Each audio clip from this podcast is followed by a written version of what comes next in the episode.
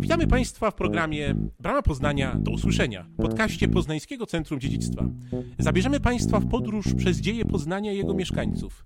Wszystkie odcinki można znaleźć na stronie bramapoznania.pl i w popularnych serwisach podcastowych. Zapraszamy.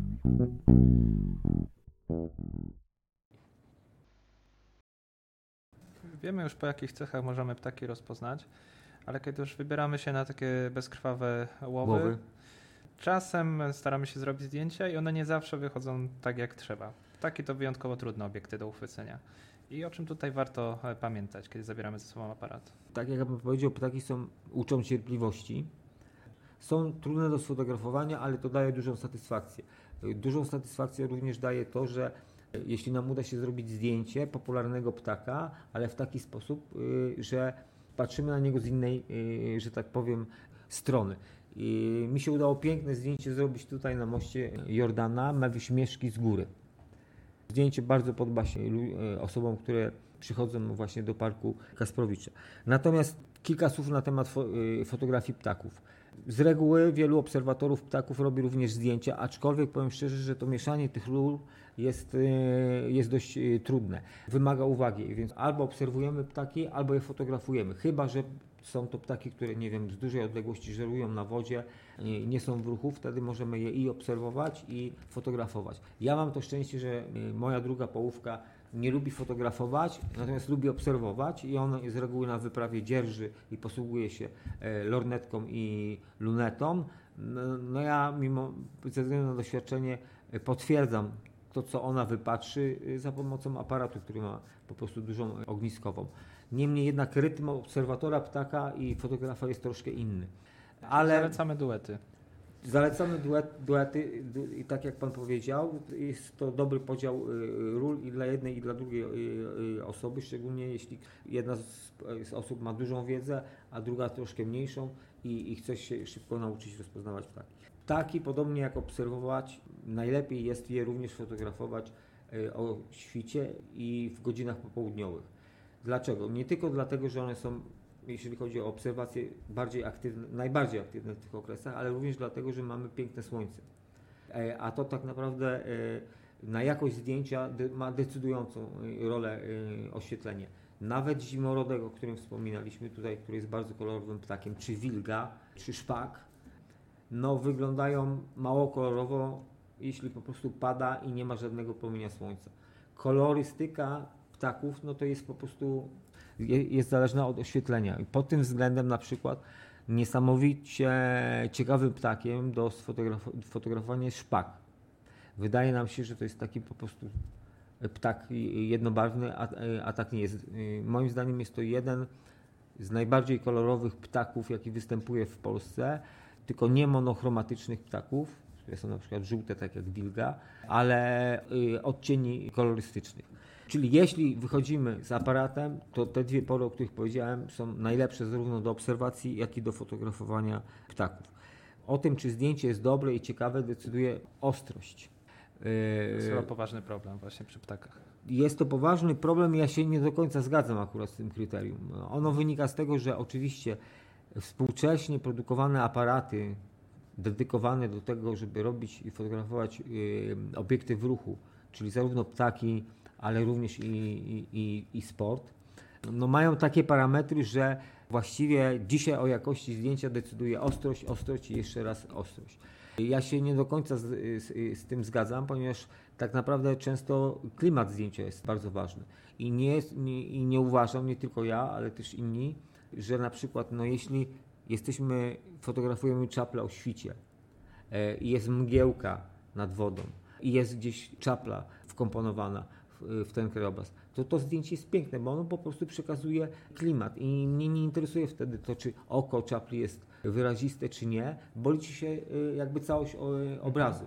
Więc no, e, osoby, które bardzo dużą wagę do tego przykładają, się śmieje, że to jest tak, że jest Akademia Francuska e, i impresjoniści się nie liczą, nie istnieją, ponieważ y, robią bohomazy. I dzisiaj fotografia jest, też podlega jakby takiej, takiej dyktaturze, że zdjęcia muszą być ostre. Oczywiście wiadomo, że takie zdjęcie jest bardzo atrakcyjne, ale jest cała e, grupa zdjęć, które mają po prostu klimat i nastrój i moim zdaniem mogą być e, zdjęciami nie, nieostrymi. No bardzo często ta zatrzymana stopklatka no, no nie jest tym, co widzieliśmy de facto, no bo Dokładnie tak i ma Pan rację, no nasze oko nie jest tak dobre jak narzędzie do obserwacji pod tytułem dobra lunetka, czy dobra luneta, czy dobry aparat fotograficzny. I my często widzimy nie, yy, nieostro. Im obiekt jest dalszy, tym jest bardziej nieostry. Kolejna rzecz, która definiuje y, zdjęcia dobre, to jest do, dobra znajomość zachowań ptaków. To nam bardzo ułatwia robienie y, zdjęć. Bardzo chętnie oglądamy pta, y, zdjęcia ptaków, w których jest jakaś fabuła, jest, coś się dzieje w tym zdjęciu. Oczywiście są piękne zdjęcia takie statyczne, y, ptaków takie jak się mówi podręcznikowe, tak, że to jest, jest kompozycja, jest y, 80% sylwetki ptaka w zdjęciu, ale to jest zdjęcie, które się nadaje do przewodnika, jak oznaczać gatunek ptaków. Natomiast jeśli się pojawia dynamika w zdjęciu, na przykład, nie wiem, bójka o teren, bądź taniec zgodowy ptaka, bądź żerowanie, no to zawsze bardziej atrakcyjnym zdjęciem będzie, powiedzmy, mamy y, szczygła, który patrzy na e, nasionka, które chce zjeść, to jest jedno zdjęcie, a obok leży zdjęcie, że je to nasionko, no to zawsze to będzie zdjęcie troszkę bardziej e, atrakcyjne, bardziej przyciągające.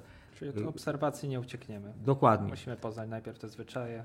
I on, to, to nam tak naprawdę bardzo pomaga w robieniu e, ciekawych zdjęć. Ja twierdzę, że jest tak, iż im więcej wiemy, tym, e, tym więcej widzimy.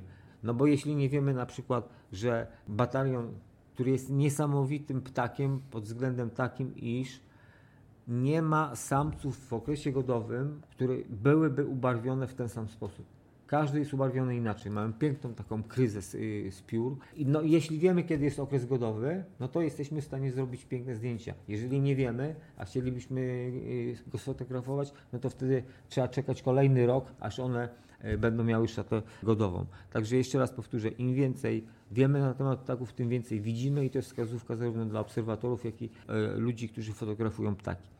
Na zakończenie jeszcze trzy zdania dotyczące ekwipunku i obserwatora pt- ptaków i również fotografa.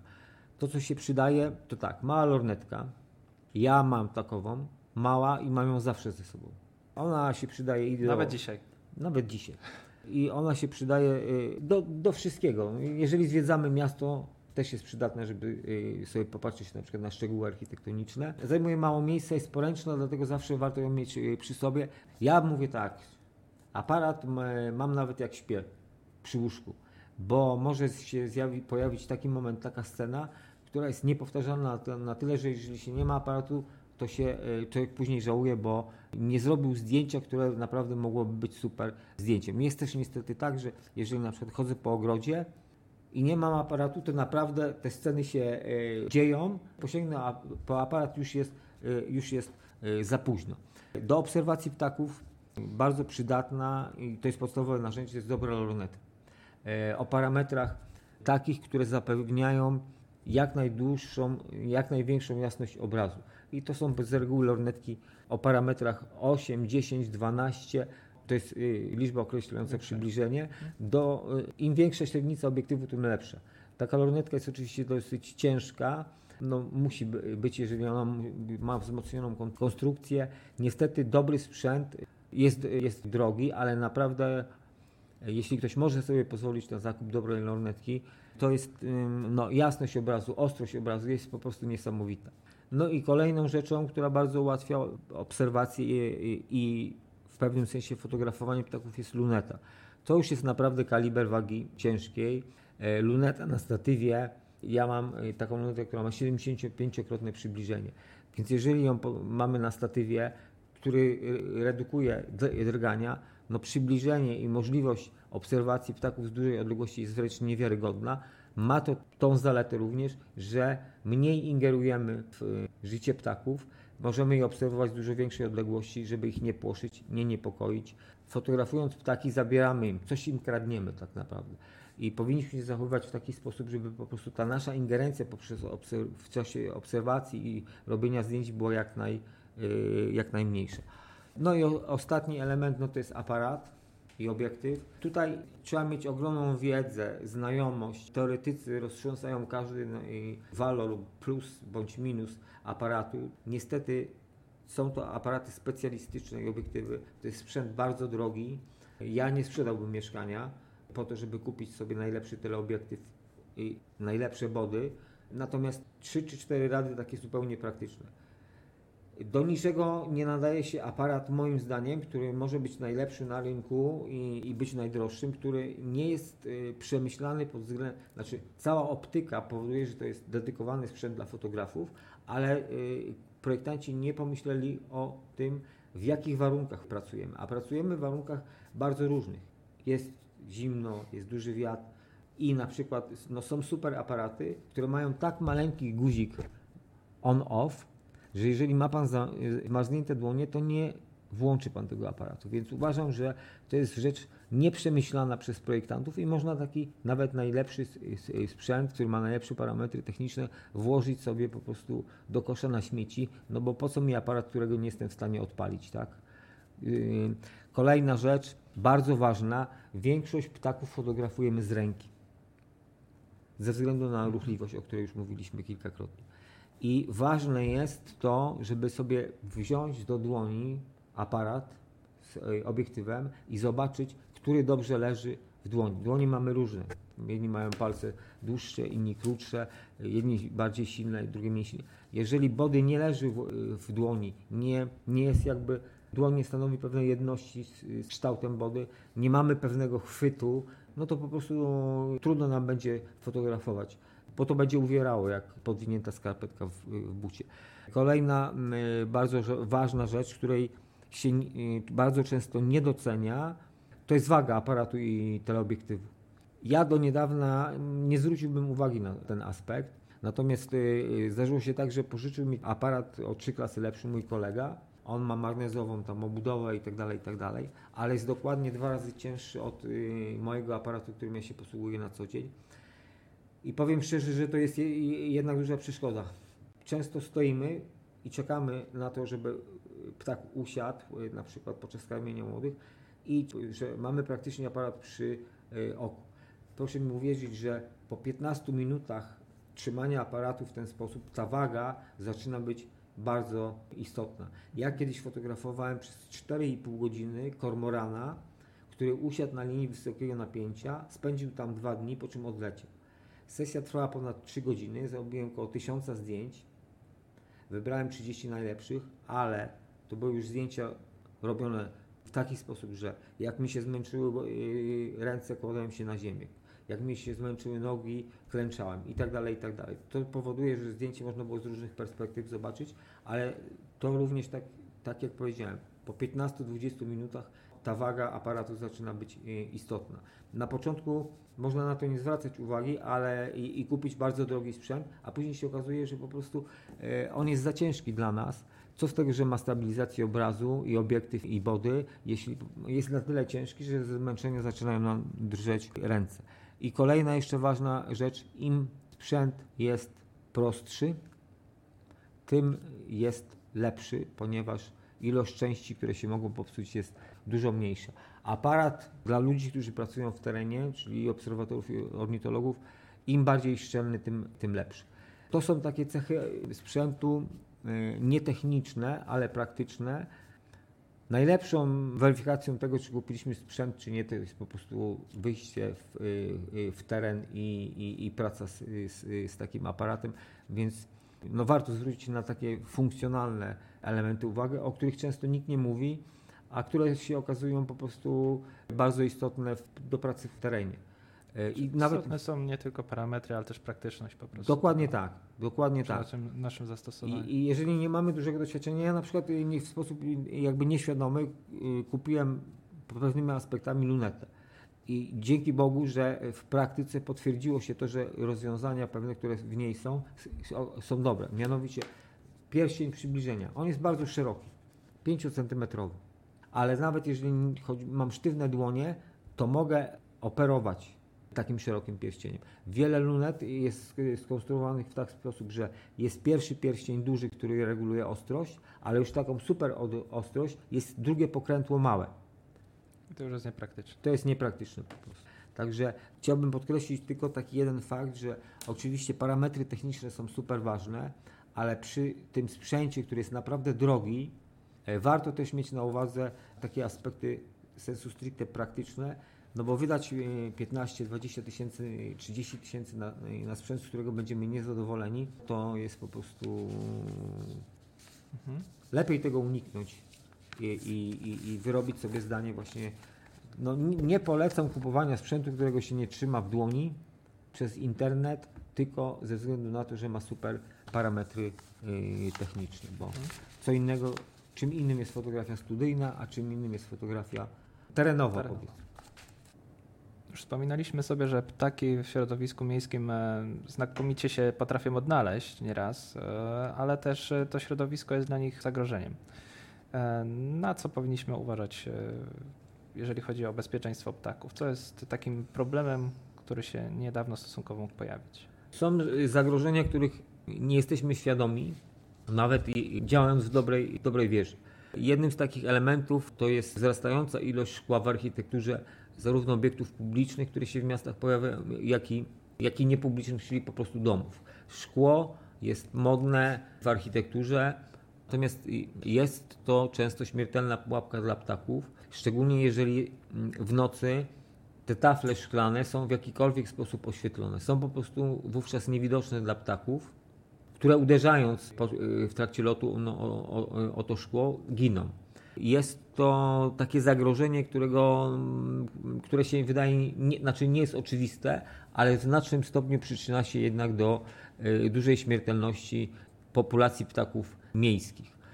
Nowym zagrożeniem może niekoniecznie typowo miejskim, są y, olbrzymie wi- wiatraki, które, dzięki których chcemy pozyskiwać w sposób ekologiczny, czysty energię y, ele- elektryczną. Idea jest piękna i wspaniała, y, żeby pozyskiwać y, energię w sposób naturalny, natomiast owe wiatraki stanowią bardzo poważny problem dla ptaków. Wiem, że przy stawianiu tego typu wiatraków musi być ekspertyza ornitologiczna, która mówi, jakie to stanowi zagrożenie dla jakich gatunków ptaków. To głównie No bo- ptaki przelotowe, tak? Dokładnie tak. No, ten, ten, ten, te skrzydła jednak wytwarzają no, silne ciągi powietrza, no, które powodują, że prostu są wciągane w, y, w ten wir. Kolejną rzeczą, która w trakcie przylotów okazuje się śmiertelną pułapką dla ptaków, co też nie jest jakby oczywiste, to są autostrady. Mianowicie jest tak, że jeżeli pada deszcz i jest ciemno, to ptaki traktują je czasami jako powierzchnię y, Zbiornika wodnego. Dokładnie tak. Siadają i po prostu pod kołami samochodów giną. To też jest takie zagrożenie, które no, na pierwszy rzut oka ciężko by było je, je, skojarzyć, no, że kawałek mokrego asfaltu będzie przeszkodą dla ptaków latających. Taką kwestią bardziej oczywistą jest chyba też dokarmianie zwierząt. Dokarmianie. Mieliśmy też swego czasu bociana śwideckiego, pewnie pan o nim słyszał, słynny celebryta. Nie akurat. Tak, no zi- zimuje akurat na śródce sobie ten bocian. E, Nawet przez jakiś czas mieliśmy, z racji, że sobie stacjonował u nas na dachu, e, zrobiliśmy takie karteczki z ostrzeżeniem, Aha. żeby nie karmić bociana. To są dwa aspekty. Pi- Pierwszy aspekt jest taki, że faktycznie coraz więcej ptaków, które do tej pory odlatywały na, y, na zimę, pozostaje. Z czego to wynika? Tak naprawdę jesteśmy zafascynowani odległością, jakie ptaki pokonują podczas przelotów. Natomiast ptaki są świadome tego, że te przeloty to jest tak naprawdę duże zagrożenie dla ich życia. Pokonanie kilku tysięcy kilometrów lotu, no jest duże ryzyko utraty po prostu życia. W związku z tym, jeżeli ptaki coraz częściej przeczuwają, że na przykład zima w danym terenie będzie lekka, to no jakby rozważają zostać na miejscu czy lecieć. Czyli znowu ptasia ekonomia wchodzi. Dokładnie tak. Natomiast karmienie ptaków. Ja tutaj się e, opieram w tym poglądzie na e, zdaniu e, ludzi, którzy się tym zawodowo zajmują. I oczywiście jedni mówią, że karmienie jest dobre, inni, że karmienie jest złe. Pierwsza rzecz, najważniejsza, którą biolodzy mówią, że jeżeli zdecydujesz się karmić ptaki, czy je dokarmiać, to musisz to robić przez cały rok. Nie tylko To może być trochę nowość dla, dla, dla słuchających. Bo Tak, może nam być. się kojarzy to dokarmianie z zimą. Właśnie, właśnie tak nie jest. Jeżeli chcemy karmić, musimy wysypywać czy, czy dozować pokarm przez, y, przez cały rok. Jeżeli chcemy karmić ptaki, to również powinniśmy wiedzieć, czym je karmić. I tutaj ten chleb dla kaczek. Chleb jest, nie jest właściwy ani dla kaczek, ani dla innych ptaków. Oczywiście ktoś może powiedzieć, no przecież mają instynkt i trucizny, y, trucizną nie będą się żywiły. No niemniej jednak jest tak, że ten chleb nie pomaga y, ptakom. Y, Są oczywiście rzeczy, które są właściwe dla y, dokarmiania, między innymi na przykład y, nasiona słonecznika, bądź w ogóle nasiona naturalne, no bo to są rzeczy, które one w naturze stanowią jakby podstawę ich pożywienia.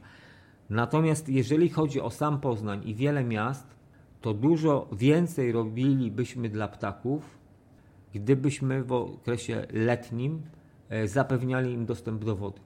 To nie jest moje zdanie, nie, nie, nie mam aż tak głębokiej wiedzy, ale zdanie y, ludzi, którzy ptakami się zajmują naprawdę zawodowo, że więcej dobra zrobimy umieszczając bądź to poidła, bądź większe kąpieliska dla ptaków i to jest bardzo pomocne. Poznań jest dla ptaków mało zasobny w wodę. On, jest jej po prostu za mało i, i to jest olbrzymia pomoc dla. dla y, Czy musimy tu o czymś szczególnie pamiętać, czy to wystarczy miseczka, talerzyk? Wystarczy, y, znaczy tak, mo, mo- możemy rozbić jakby y, to na dwie części, czyli mamy poidła, czyli wszelkie naczynia, dzięki którym ptaki mogą się gdzieś tam y, napić, one mogą być mniejsze i mamy takie kąpieliska, czyli powiedzmy, jeżeli możemy, e, nie wiem, miskę dużą napełnić wodą, to ptaki będą korzystały z tejże miski jako y, basenu kąpielowego. Ważne jest tylko, żeby ona miała dużą powierzchnię, ale była stosunkowo y, płytka. Natomiast poidła mogą być, y, mogą to być mniejsze na, naczynia. Powiem, Czyli nawet na balkonie jesteśmy w stanie takie Dokładnie- stanowisko dla ptaszków Dokładnie tak. To jest niesamowite. W okresie remontu właśnie tego basenu Parku Kasprowicza, o czym wspominałem, powstała przy wyrównywaniu terenu po deszczu kałuża. Ta kałuża miała mniej więcej 1,20 m na 40 cm. Przy tej kałuży dzień w dzień siedziało kilka ptaków. Szpaki, kwiczoły, gołębie, grzywacze, kosy, sikorki bogate, modre i naprawdę widać było, że one tej wody potrzebują. Zamiast dokarmiać w Poznaniu y, ptaki, lepiej dawać im y, możliwość napicia się wody bądź wykąpania się i, i tym samym bardziej, się, bardziej im pomożemy. I kolejna jeszcze rzecz, która byłaby bardzo przydatna dla ptaków, to są budki lęgowe. Otóż to tu również wiem, od, rozmawiałem kiedyś z ludźmi z, z poznańskiego zoo. Jest tak, że brakuje również w Poznaniu miejsc lęgowych. Jest tak, że czasami na jednym drzewie dwa, trzy gatunki ptaków zakładają gniazda. Ja e, zwróciłem na to ba- baczniejszą uwagę od dwóch e, lat, obs- obserwacje budek, które już e, są zawieszone na przykład na Dębinie, czy na Sołaczu, czy w innych parkach i ze zdziwieniem stwierdziłem, że naprawdę 100% y, budek jest wykorzystanych i to faktycznie potwierdza również tą tezę, że miejsc lęgowych jest za mało. Sam eksperymentalnie założyłem własnoręcznie cztery budki na y, powierzchni niewielkiego ogrodu i, i powiem szczerze, że no, ponieważ wiedziałem jakie gatunki są i jaką i typ budki wybrać, to już w pierwszym sezonie po powieszeniu te budki były zajęte. A czy Nie. jakieś konkretne rodzaje budek y, wielkościowe, jeżeli chodzi Tak, o otwór, możemy tutaj w Poznaniu tak polecić? Bo Y, oczywiście nie każdy będzie się tak mocno orientował, ale Polecam strony internetowe, naprawdę są bardzo dobrze przygotowane budki lęgowe, tylko chodzi o strony internetowe nie producentów, tylko po prostu strony internetowe, gdzie wypowiadają się na temat budek po prostu specjaliści, czyli, czyli możemy poobserwować, jakie ptaki mniej więcej w naszej okolicy występują i pod te ptaki i takie miejsce dokupić, przygotować. e, Tak, budkę, no bo budka dla szpaków musi być bardziej otwarta niż dla e, niż inne gatunki. Budka dla sikorki modrej musi mieć e, bardzo wąski otwór. Czasami ptaki korygują same e, szerokość otworu wlotowego, szczególnie dzięcioły. Jeżeli otwór dla nich jest za mały, to go po prostu rozkują. Ale no, jest tak, że jeżeli wiemy, jakie gatunki mamy w ogrodzie, to naprawdę w internecie jest sporo bardzo dobrych stron, które definiują, jaka budka jest optymalna, dla jakiego gatu- gatunku, na jakiej wysokości powinna wisieć, od jakiej strony powinien być wschód i, i, i zachód. I to są naprawdę bardzo profesjonalne opracowania. Jeżeli ktoś zna język niemiecki, to polecam przede wszystkim strony niemieckie. One są po prostu tak perfekcyjnie opisane, milimetr po milimetrze, co, dlaczego, jaka belka, jak, jaka wysokość, jaka głębokość budek. Także tych stron jest y, sporo. Ważne jest z naszej strony to, żebyśmy wiedzieli, jakie gatunki ptaków nas interesują. Ważne jest również jeszcze tylko zwrócenie uwagi na to, jak montować daną budkę. To znaczy nie stosujemy już teraz gwoździ do przybijania y, budki. Sprawdzają się różnego typu obejmy y, i Czy ważna, ważna stabilność też tego jest. tak, znaczy no, mm, no wbijając budkę, czy przybijając ją do drzewa, no jednak ingerujemy to drzewo. Warto tego uniknąć, a sposób jest prosty, po prostu kupmy budki, które możemy montować za pomocą specjalnych obejm. Jest taki plus, że po pierwsze nie uszkadzamy drzewa, na którym tą budkę chcemy powiesić, a po drugie łatwo ją również zdemontować, ponieważ jest tak, że dobrze jest jednak na koniec sezonu wyczyścić budkę i wtedy jeżeli mamy ją na obejmach, to po prostu łatwo jest ją zdjąć, umyć i, i z powrotem powiesić. Bo rozumiem, że ptaki korzystają raz w roku z tych budek. Nie mieszkają tam na stałe. Yy, Nie, aczkolwiek jest tak, że w przypadku na przykład silnych wiatrów bądź padania deszczu, ptaki wykorzystują budki jako po prostu miejsce, gdzie mogą się schować i, i przeczekać, podobnie jak, jak ludzie. Tak, Yy, ale nie, możemy, nie musimy mieć obaw, że właśnie jeżeli po sezonie taką budkę wyczyścimy, Nie. że ten ptak już nie przybędzie tutaj, bo poczuje nasz zapach. Nie, to jest taki mit troszkę, że tam Mhm. poczuje zapach człowieka, to, to już nie, nie wróci. Jest tak, że przy niedoborze miejsc lęgowych, no ptaki się biją po prostu o, yy, o budkę i może być tak, że niektóre gatunki ptaków wyprowadzają dwa albo nawet trzy lęki. Zrobiłyby to w tej samej budce, ale to nie jest takie proste, ponieważ jeżeli pierwszy ląk opuści budkę, to jest szansa na to, że inny gatunek ją przejmie. Do, do niedawna też yy, no, z praktyki wynikało to, że w pierwszym sezonie po powieszeniu budek ptaki ich nie zajmowały. Ale to były często budki malowane farbą, która ba- bardzo długo jakby no, pachniała w sposób szczególny. Z reguły teraz budki są robione po prostu z drewna naturalnego. Są, jeżeli są impregnowane czy zabezpieczane, to y, tak zwanymi farbami olejowymi, które no, po prostu impregnują budkę. Y, Także tutaj nie musimy się tego aż tak mocno y, obawiać. Ważne jest to, żeby ją wyczyścić, żeby tam nie pojawiały się jakieś pasożyty i tak dalej, i tak dalej. Takim jeszcze pozornie niepozornym e, zagrożeniem e, są koty, prawda? Miałem to w pamięci, cieszę się, że, że Pan zadaje to pytanie. Tak, koty są bardzo poważnym zagrożeniem. Nie chcę rzucać tutaj dosłownie, bo nie mam przed sobą statystyk, ale w, w Wielkiej Brytanii przyczyniły się koty naprawdę do wyginięcia doszczętnego kilku gatunków ptaków. No, zabudowa Londynu jest specyficzna. Poza centrum mamy te domki szeregowe, które mają swoje y, ogrody. Te ogrody są dosyć dzikie, w sensie niektórzy czeszą, głaszczą, ale większość jest to po prostu, to są chaszcze. Stąd pojawienie się lisów y, w Londynie, stąd również jakby stworzenie do, dobrych warunków do polowania przez, przez koty. W Poznaniu koty stanowią olbrzymie za- za- zagrożenie dla gatunków, które żerują i, wychowują y, młode w ogródkach, y, na terenie tych ogródków działkowych. Ja, ja mam takie jedne ogródki działkowe, gdzie przebywam regularnie i tam naprawdę koty są y, realnym zagrożeniem. Dla... Możemy apelować do posiadaczy, żeby może zwracali baczniejszą uwagę, ograniczyli troszkę te kocie spacery. Gdyby tak się stało, Zwłaszcza byłoby- jeżeli widzą, że mają ptaki u siebie gdzieś. Y, Byłoby to rzeczą Mhm. bardzo dobrą, ponieważ naprawdę y, znam miejsce, gdzie koty doprowadziły do tego, że przestały tam gniazdować perkozy. Kot jest naturalnym zagrożeniem dla ptaków w mieście.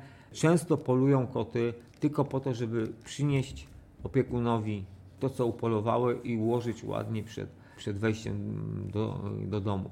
Koty często no, zabijają dla zabijania, a, a, a wolą karmę, do której są przyzwyczajone. Także tutaj no, ten apel byłby jak najbardziej zasadny. No jeszcze mi przychodzi do głowy ten temat termoizolacji, który się pojawia w kontekście jeżyków. Tak, to znaczy to nie tylko kontekst jeżyków jest ważny. E, Ważna jest e, na przykład również kwestia wróbla, który e, gniazdo zakładał w, te- w tego typu szczelinach. Jest tak, że wszelkie dziury w, w, dachu, w konstrukcji, one stanowiły w mieście bardzo dobre miejsce lęgowe. Natomiast jeżeli są remontowane i, i, i izolowane, to po prostu tych dziur tam naturalnych nie ma i to zmniejsza w znaczny sposób y, tereny lęgowe, y, znaczy ilość miejsc lęgowych ptaków. Poznań jest miastem, y, które patronuje jeżyki ze względu na ich pożyteczność w mieście. No to I, może tylko wspomnijmy, że jeżyki to przede wszystkim walka z komarami? Tak? tak, tak. Są to ptaki, które właśnie są tutaj bardzo dobrym odkurzaczem, że tak powiem. Przy remoncie jednego z budynków Urzędu Miasta Nagronowej zostały założone budki dla jeżyków. One specjalne budki takie dość szerokie i niskie no ja tam obserwowałem przez kilka dni jeżyki, chyba wszystkie budki, które się tam pojawiły na, na fasadzie budynku były zajęte przez jeżyki, niektóre przez mazurki. Jeżeli chodzi o tę termoizolację, to też niektóre ptaki sobie z tym radzą. U mojego sąsiada, y, który założył termoizolację, dzięcioł po prostu jak skończył pracę, wykuł sobie dziurę i, i, i założył tam w cudzysłowie y, gniazdo. Y, byłem świadkiem y, tego, jak właśnie w centrum miasta kawki y, wybierają styropian do budowy gniazda. Na, na początku mnie to zmyliło, myślałem, że po prostu wykuły sobie tam szczelinę i, i zało, założą gniazdo, ale okazało się, że regularnie przylatywały, wybierały sobie ten styropian i odlatywały do miejsc, gdzie miały gniazdo. Im szczelniejszy dom, tym mniejsze szanse na to, żeby tam mogły gniazdować ptaki. Pod tym kątem y, jest to super widoczne, jeżeli chodzi o y, jeżyki. Jeżeli mamy o tutaj taki y, budynek, jaki widzimy przed sobą i on ma starą konstrukcję dachową, to na pewno będą nad nim krążyły jeżyki, bo mają tam po prostu gniazda. Jeżeli mamy nowe osiedla, nowe budynki, które są budowane aktualnie, które są ocieplane styropianem, które są po prostu szczelne, no to tam te ptaki nie założą gniazda. Panie Pawle, powoli będziemy kończyć. Powoli, powoli to jest trudno powiedziane. E, ale jeszcze no, muszę skorzystać z okazji i podpytać o zwierzęta, o ptaki, które tutaj wokół właśnie bramy Poznania krążą. Bo oczywiście można tu przyjść zwiedzać, ale przy okazji też parę gatunków spotkać. O kilku już wspominaliśmy. Do ciekawych gatunków należy na pewno kruk. I on jest tutaj łatwo zauważalny, bo po prostu ma trasę przylotową. Para kruków na pewno warto poświęcić trochę czasu, zadzierając głowę, patrząc na dach katedry, bo jest duża szansa na to, że zobaczymy sokoła pustułkę. Warto jest podejść do mostu mm, Jordana. Jordana bądź kolejnego. Mieszka pierwszego. Mieszka pierwszego. Tam jest kolonia y, jaskółek i tam warto sobie zejść po ten y, most, usiąść na ławeczce i popatrzeć, jak one budują gniazda, jak karmią młode, jak polują na małe owady w powietrzu. Byłem 2 czy 3 dni temu, bo chciałem taki rekonesans zrobić. Jest sporo świeżych gniazd. No jest to piękny widok, jak one budują gniazda, jak yy, później karmią młode. Gniazda jaskółcze w starożytnych yy, Chinach gotowane były yy, ponoć wielkim przysmakiem. Kolejnym gatunkiem do obserwowania ciekawego są czaple, jest czapla siwa. To jest niesamowite. Kiedyś ją obserwowałem z mostu y, Jordana w niedzielę, gdzie tutaj były tłumy y, ludzi. Nikt jej nie widział poza, poza y, mną, no ale tak jak mówię, jeśli kogoś coś interesuje, to to widzi. Na tym moście kolejowym rzadko, bo rzadko, ale można zaobserwować czaplę białą. Ja ją kilkakrotnie widziałem. Powtórzę jeszcze raz, były przynajmniej dwie pary lęgowe zimolotków w tym roku nie widziałem ich jeszcze. Być może dlatego, że wędkarze dokładnie w miejscu, gdzie one miały czatownię, e, zaczęli się pojawiać. Ich tam wcześniej nie było, teraz są ślady po ognisku, więc może to jest tego przyczyna. Mówiliśmy już o traczy nurogęsi, którą też można zobaczyć. Bociana białego, tak jak Pan mówił, widziałem kilkakrotnie bociana czarnego, znaczy kilkakrotnie, dwu albo trzykrotnie. Widziałem sarny przechodzące przez y, Cybinę o świcie. Y, widziałem dziki. Sporą atrakcją są y, bażanty łowne. Bardzo często je słyszę. Taki charakterystyczny głos. Natomiast wypatrzeć jest, totalnie trudno. Zresztą wszystkie kuraki, one wolą w pierwszej kolejności uciekać bie biegnąc, ponieważ są, potrafią latać szybko, ale na krótkie dystanse. Więc pierwszym odruchem ucieczki to jest po prostu bieg Do ciekawych gatunków, które można również zaobserwować, y, tutaj y, są y, raniuszki, o których już wspominaliśmy. Oczywiście wszystkie krukowate, sikorki, bogatki. Jest tutaj również bardzo duża ilość słowików mhm. przy tym moście kolejowym. Dość często można zobaczyć sójki, oczywiście kaczki krzyżówki. Ach, piękne ptaki, mianowicie perkoski. To są niesamowite. się cieszę, bo chciałem właśnie powiedzieć, ale nie byłem pewien, czy one to są, są faktycznie. Są, są, e, przy czym no to są... To się e, lepiej znam niż myślałem. Gratuluję. E, są, natomiast to są bestie. One są małe, bardzo szybko pływają. Naprawdę z dużej odległości wydawałoby się, że no, ten ruch powolny aparatu, podnoszenie aparatu do oka powoduje, że one po prostu od razu nurkują. Ja wielokrotnie próbowałem je sfotografować, nie udało mi się. Ten most też jest troszkę ciekawy, przez to, że zdarzają się tam sytuacje w, w sztuce takie jak w dadaizmie się yy, zdarzały. Otóż przykład pewnego dnia przychodzę na, do mojego punktu obserwacyjnego i co patrzę? Jakiś wózek na dwóch kółkach stoi na, leży na środku cydliny. Kto go tam wrzucił? Po co go ktoś wrzucił? Trudno mi było powiedzieć. Natomiast od razu wykorzystały to zimorodki, które sobie tam ten wózek wykorzystywały jako czatownię.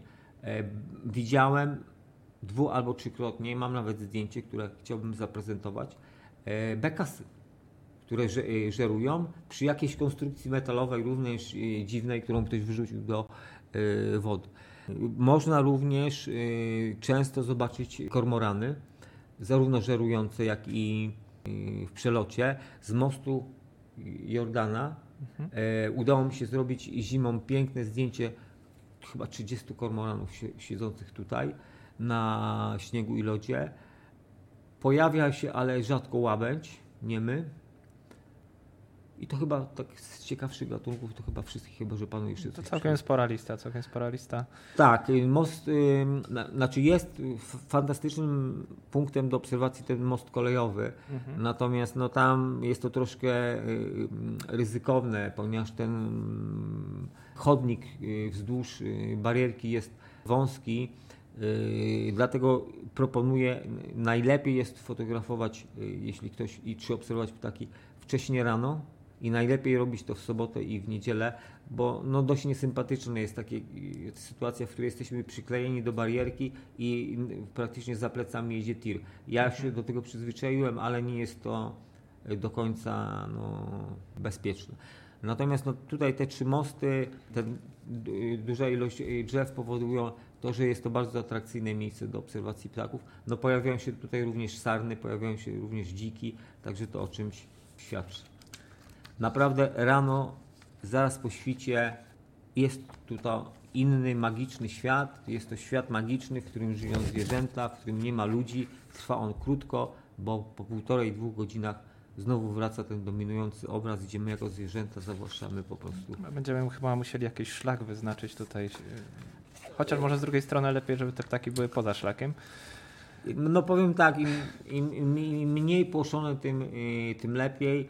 No im więcej ludzi będzie im zabierało te półtorej, dwie godziny porannego niebytu, no tym... tym Czyli oglądamy, ale proporcjonalnie.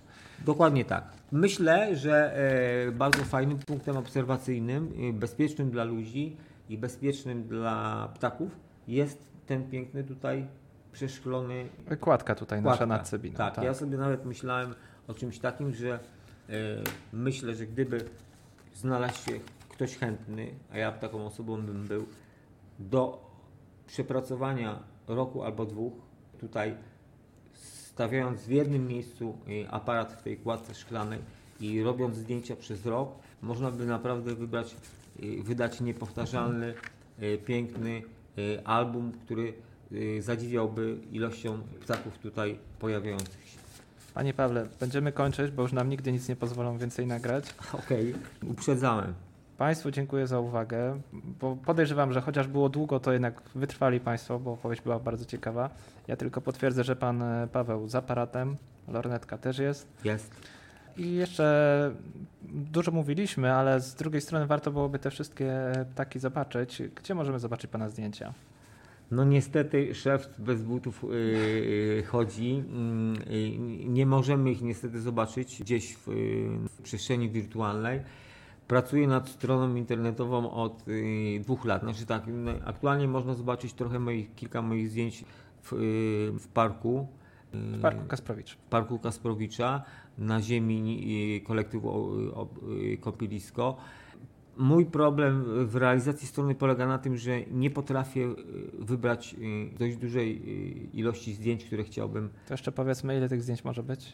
Ile E, tysięcy? Kilka. Kilka, kilka tysięcy na pewno, aczkolwiek wyrosłem już z cykania bardzo dużej ilości i, i zdjęć. No już mam ich tyle, że jeżeli patrzę przez obiektyw i mówię, to zdjęcie nic nie wniesie do mojej opowieści czy mojego sposobu pokazywania y, ptaków, to tego zdjęcia nie robię. Nie potrafię po prostu wybrać zdjęć, które chciałbym pokazać i to jest główny problem. Chyba poproszę kogoś po prostu o pomoc, żeby powiedział Mhm. te zdjęcia i będzie ok. Mam nadzieję, że niedługo taka strona y, powstanie i że będzie można I my też mamy taką nadzieję. tam zobaczyć moje zdjęcia. Bardzo bym tego chciał, a czuję się bezbronny tutaj. Panie Pawle, tu jeszcze tak zupełnie na koniec. Chyba chcielibyśmy powiedzieć też o, o tym, co dla Pana osobiście oznacza ta Pana pasja. Też ona pomaga się Panu e, zmierzyć z poważnym problemem. Tak, okazuje się, że jeśli człowiek y, robi to, co lubi i co kocha, to to coś może być ważnym elementem walki z ciężką chorobą. Ja e, mam to szczęście albo nieszczęście, że przy dziwnie młodym wieku jeszcze stosunkowo zacząłem się, zacząłem y, walkę z y, chorobą Parkinsona i mm, dzięki temu, że y, mam tą pasję, jest mi łatwiej wyjść z domu, nie myśleć o chorobie, żyć tak, jakby był zdrowy. W pewnym sensie no, mój przykład pokazuje na to, że ruch, próba normalnego życia to, to jest rzecz skuteczna, może stanowić dobre dopełnienie terapii lekowej. Y, Ludzie, których spotykam i o których, którym mówię o mojej chorobie, y, no, są zdziwieni jakby moją kondycją. Oczywiście mam dobrą opiekunkę lekarza, natomiast no, zachęcam wszystkich bardzo mocno do tego, żeby y, pomyśleli, jaki rodzaj aktywności jest dla nich ważny. Jeżeli taki rodzaj aktywności znajdą, żeby po prostu starali się żyć jak najaktywniej, bo to jest najlepsza metoda dystansowania się od stosunku do, do, do choroby. Ja odnalazłem się dzięki y, temu, że ornitologia mnie interesuje od 9 roku ży, y, życia. No, odnalazłem swoją y, rehabilitacyjną tropę, czyli ścieżkę, właśnie y, obserwując ptaki. Chcę również y, podjąć próbę organizacji spacerów ornitologicznych bądź zachęcenia y, osób, które mają y, problemy ruchowe do obserwacji ptaków i do fotografowania y, ich. Chciałbym się tym swoim doświadczeniem podzielić. Jestem osobą, która potrafi zarażać ludzi takim zainteresowaniem związanym z obserwacją ptaków. No, myślę, że tak jak powiedziałem, to jest dobra forma terapii ruchowej, to jest motywacja do tego, żeby żyć normalnie, żeby cieszyć się po prostu życiem niezależnie od tego, niezależnie od, y, od choroby. Także zachęcam wszystkich, jeszcze raz powiem, do odnalezienia w sobie takiej siły, y, bo to po prostu jest, to pozwala żyć normalnie. I tyle. Dziękuję Panie Pawle. Proszę. Pan Paweł Kowalczyk, fotograf, ornitolog, Ornitolog, leśnik, gawędziarz. Gawędziarz. Tak. Przykład też, że da się Da- pomimo wszelkich trudności. Dokładnie tak. Dokładnie tak. Zachęcam wszystkich do aktywności, bo to daje efekty po prostu. Dziękujemy za uwagę i odsłuchanie naszej audycji. Przypominamy, że wszystkie odcinki można znaleźć na stronie bramapoznania.pl i w popularnych serwisach podcastowych. Zapraszamy także do obejrzenia naszych filmów dostępnych na kanale Bramy Poznania w serwisie YouTube. Brama Poznania, do usłyszenia. Do usłyszenia. Do usłyszenia.